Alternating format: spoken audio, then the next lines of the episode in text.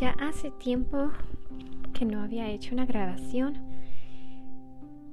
Mm, la última que, que hice fue de virtudes y fortalezas. Me parece que fue en enero. Y dejé de hacer todas esas grabaciones porque tuve un golpe muy fuerte.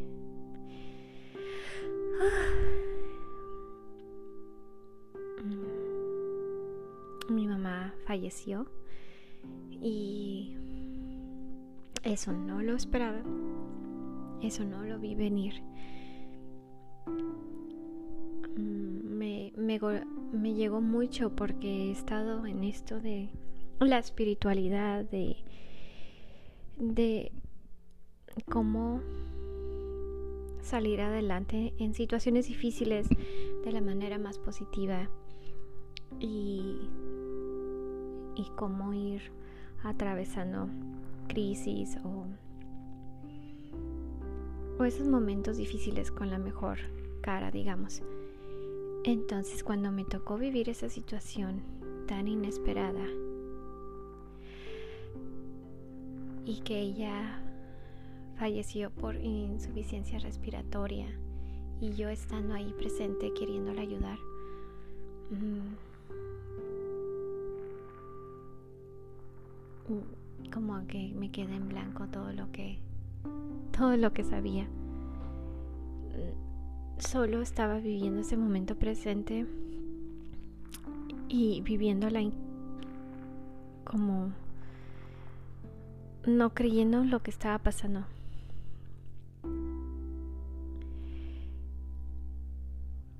Mm. Ahora puedo ver que dentro de lo más doloroso de estar ahí presente, estuvo ella acompañada por, por una de sus hijas. A diferencia de, de no estarlo. Y, y es como cuando naces y están tus papás ahí para ti, para recibirte. En este caso es ella se va y yo estoy ahí para, para estar con ella en ese, en ese paso.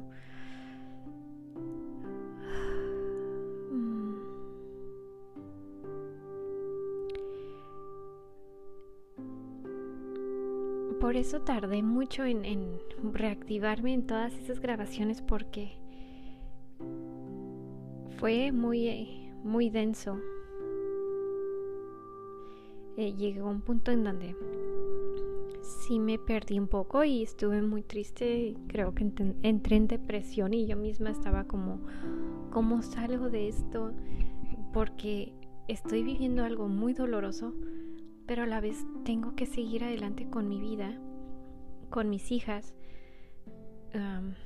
con mis metas y es y eran era algo que no podía mm, hacer con la misma manera que antes lo estaba haciendo entonces sí me costó mucho trabajo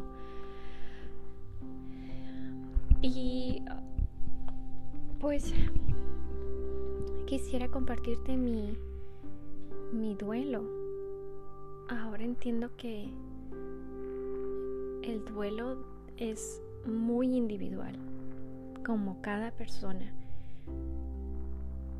Y me consta porque somos tres hermanos y los tres vivimos el duelo de diferentes maneras.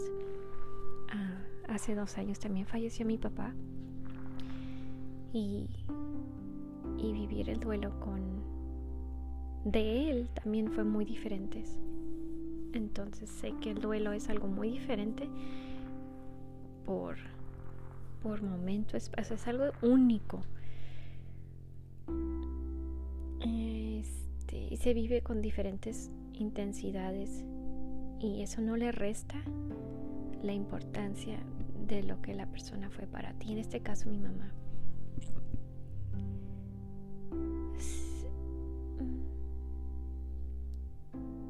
sí me, sí, con el, con el fallecimiento de mi papá me pude em, inmersar sobre las etapas de, del duelo y, y cómo vas atravesándolas. En la parte donde no puedes ni creer que eso acaba de pasar, puede durar fácil unas semanas. Y en la parte donde no te puedes, no puedes como concentrarte, puede también durar varias semanas. El desánimo y, y la falta de fuerza es inevitable, no, no es que a veces no quieras, sino simplemente yo creo que como es espiritual ah, de, y de ahí parte nuestras fuerzas, eh, desde ahí también como que se merma toda esta otra energía que, que necesitas para llevar tu día a día. Así va a impactar tu sueño, va a impactar tu hambre, va a impactar tu ánimo. a mí sí lo hizo. Mm, de repente muchas cosas cambiaron otra vez en su perspectiva. Y pues se dice que cuando alguien muere, lo que te golpea mucho es lo que esa persona significaba para ti. Entonces, cuando es alguien como tu madre, ese sentimiento de que, de que de que ya no vas a tener a, tu mamá físicamente o que te va a hablar. Y eso fue para mí el golpe. Ah, donde ya no voy a poder abrazarla físicamente. Es, eso es como... Mm, una nostalgia constante, muy, muy, muy ahí presente. Pero a la vez también tengo ese rotundo agradecimiento por ella que no puedo dejar de, de tenerlo ahora más que cuando estaba viva. Es como que ahorita puedo ver con claridad todo todas las cosas que ella pudo haber hecho por mí o que es, representa para mí y que sé que se lo mencioné y y una de las cosas que me, golpea a veces es que me... Ah, siempre que estás en un funeral te dicen a veces los familiares que lamentable que bajo estas circunstancias nos tengamos que volver a ver. Y es cierto porque actualmente por tantas cosas en, en el día no nos vemos en familia como antes era más relajado o dábamos más el tiempo, la importancia.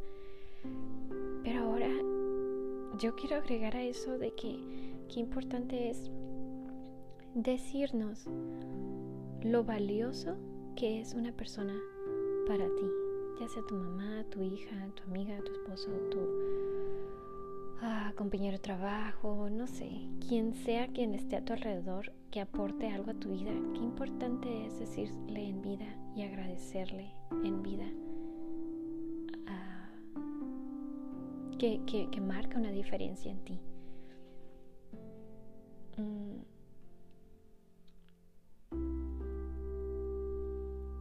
Otra de las cosas que me parecieron bien interesantes fue como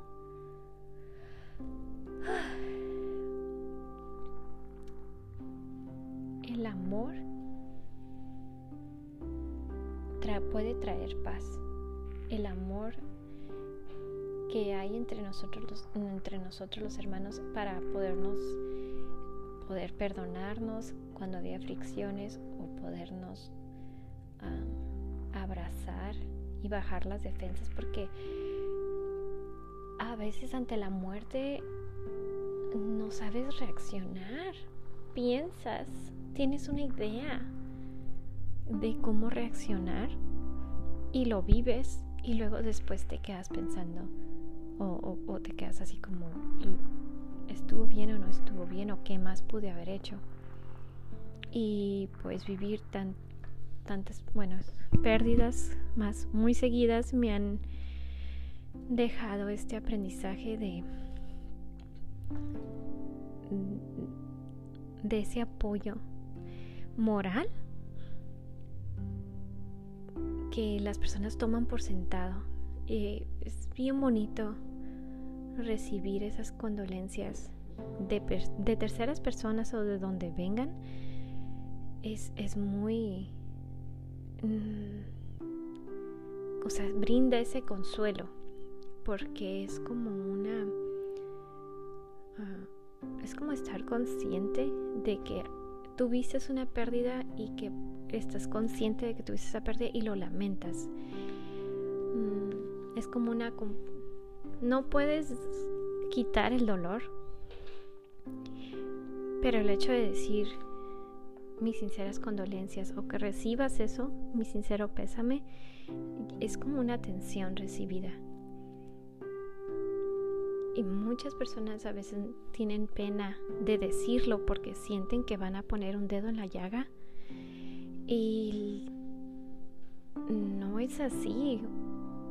Es para las personas que acompañan a otras personas ahí en el duelo con esas palabras, yo te voy a, decir que lo hagas. Que seas valiente en brindar ese apoyo.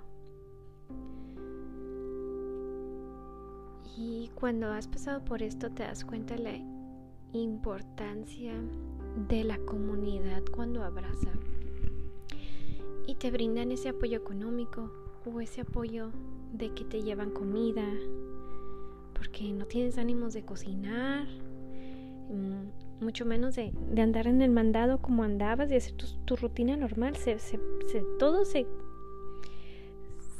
se como que se separa o se entorpece. Y es bonito recibir ese apoyo, como también el emocional, cuando hacen presencia en acompañarte y no necesariamente van a solucionarte tu dolor. Está claro que, que no hay remedio, pero es el acompañamiento que brinda ese alivio. Es la presencia de una bonita amistad o de tu pareja o de tus hijos que están ahí solamente a un lado de ti y no es necesario que sepa decir lo correcto muchas veces las personas sienten esa impotencia de qué, qué decir ante eso. pues muchos empiezan con no hay palabras. y tampoco es necesario decir no hay palabras porque es algo muy evidente. Mm, pero estar ahí y brindar un abrazo y decir estoy ahí para lo que ocupas es muy reconfortador. Y agradezco rotundamente a esas personas que estuvieron ahí para mí. Y a veces cuando estás en pleno duelo, mm, me extendí para consolar a mis, a mis tíos porque era su hermana hijas porque era su abuelita. O sea, cuando se muere alguien, te das cuenta que es importante para muchas otras personas, como para sus amigas, que pues ella no, no me constaba su, su relación con ellas, pero podía saber que que fue muy importante porque me lo expresaron. Y me vuelve a mí este pensamiento de de lo valioso que es cuando impactas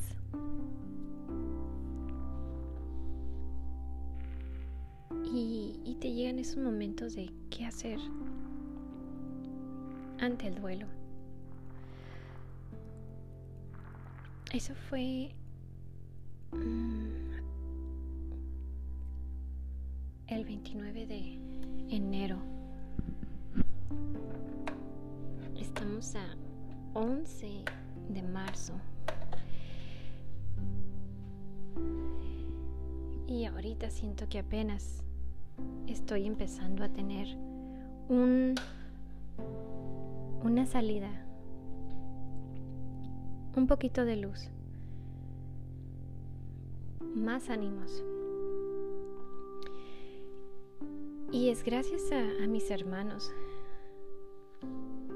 que me hicieron ver cómo ellos salieron adelante de, o cómo van saliendo ellos adelante de su duelo.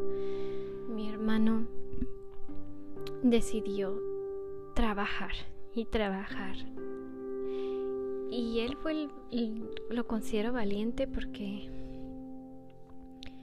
él fue el quien se ocupó en arreglar sus cosas de su casa, su jardín. Y yo todavía no puedo ni, ni entrar a su cuarto, que ya, ya debo de hacerlo porque me dice él que es terapia.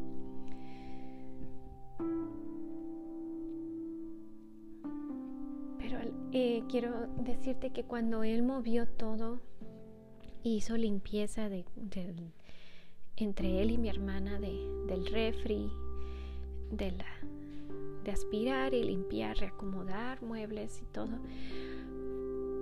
Y yo ir y no hacer nada, pero experimentar el cambio de energía en su casa fue increíble y me llenó de paz. Fue como darme cuenta que que puedes ir sanando poco a poco. Porque yo en realidad no quería mover nada de sus cosas y dejarlas así, pero al, dejarlas así es como es como ignorar que tienes una herida. Y una herida a veces si le pones un poco de alcohol te va a arder. Y te la limpias y te va a doler. Y luego te vas a poner un un ungüento antibacterial y luego te vas a poner un curita y todo ese proceso genera molestias y dolor y requiere de esfuerzo y trabajo. Y yo estaba solamente um, echándole agüita a mi herida. Entonces me di cuenta que que sanar duele y como un duelo ya duele, era como que no, me, no le encontraba la lógica yo para, para sanar mi duelo.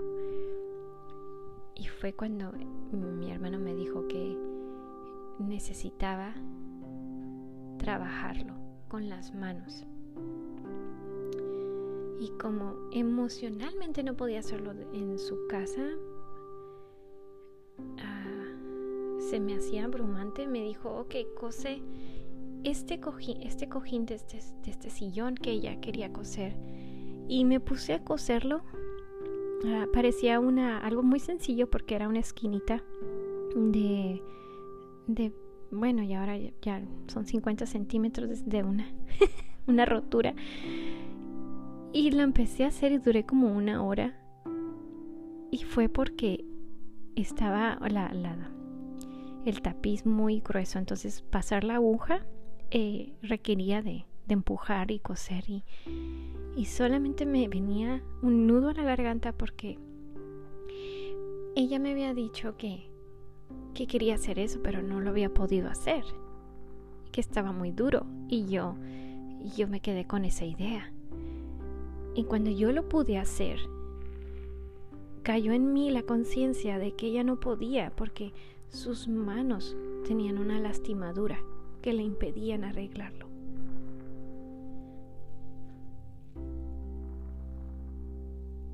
Entonces, algo que me hizo caer en cuenta es como a veces no nos oímos, pero no nos escuchamos.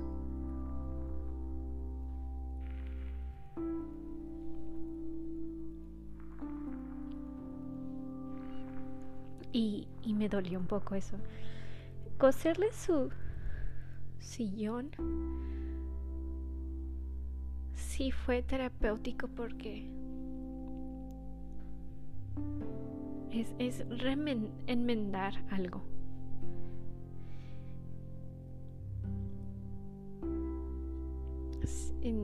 Entra mi hermano y me dice, qué bonito te quedó, wow, ella está súper feliz de que lo hiciste.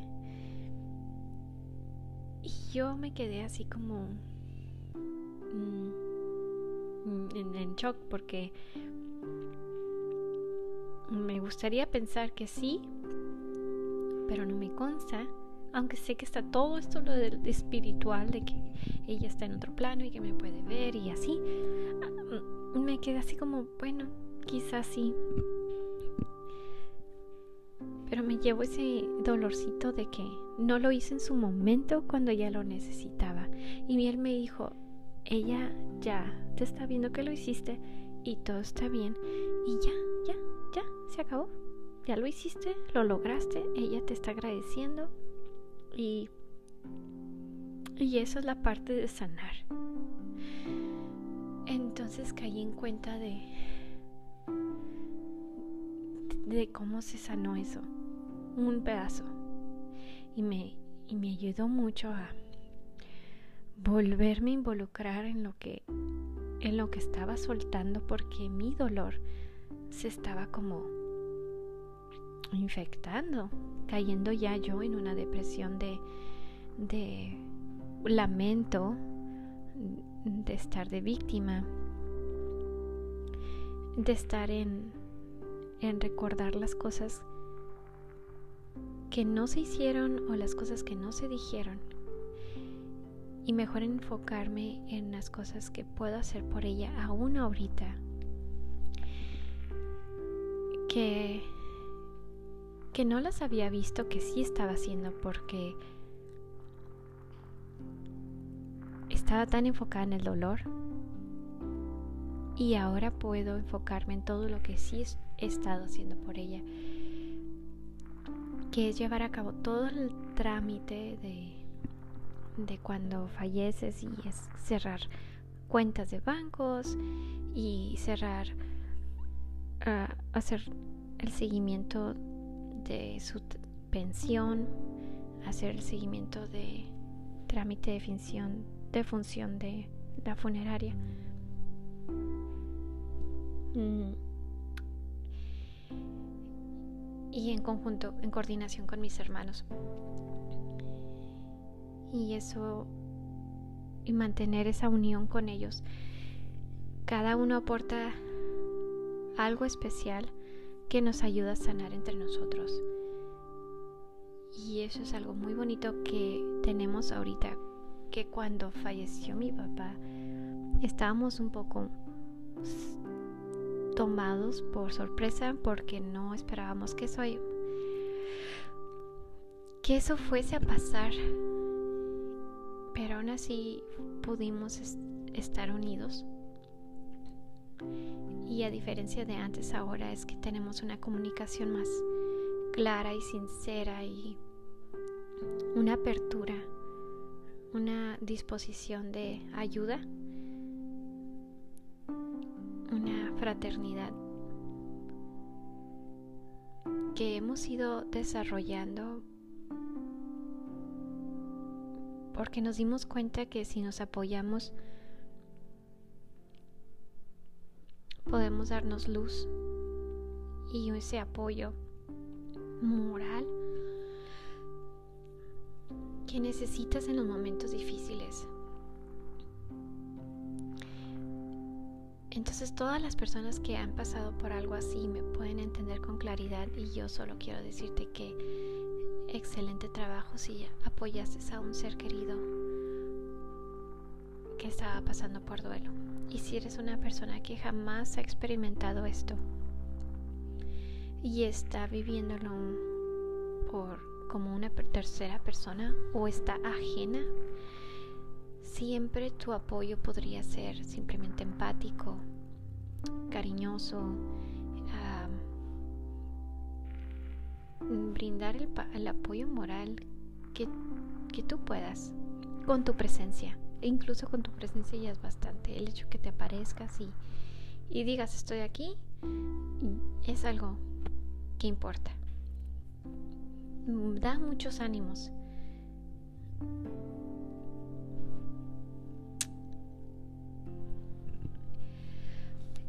Una de las cosas que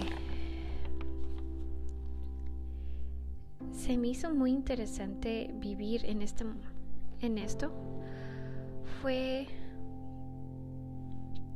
bueno como está muy largo ya mi mi grabación lo voy a dejar para el siguiente capítulo. Y pues nos vemos en la siguiente que parte de esto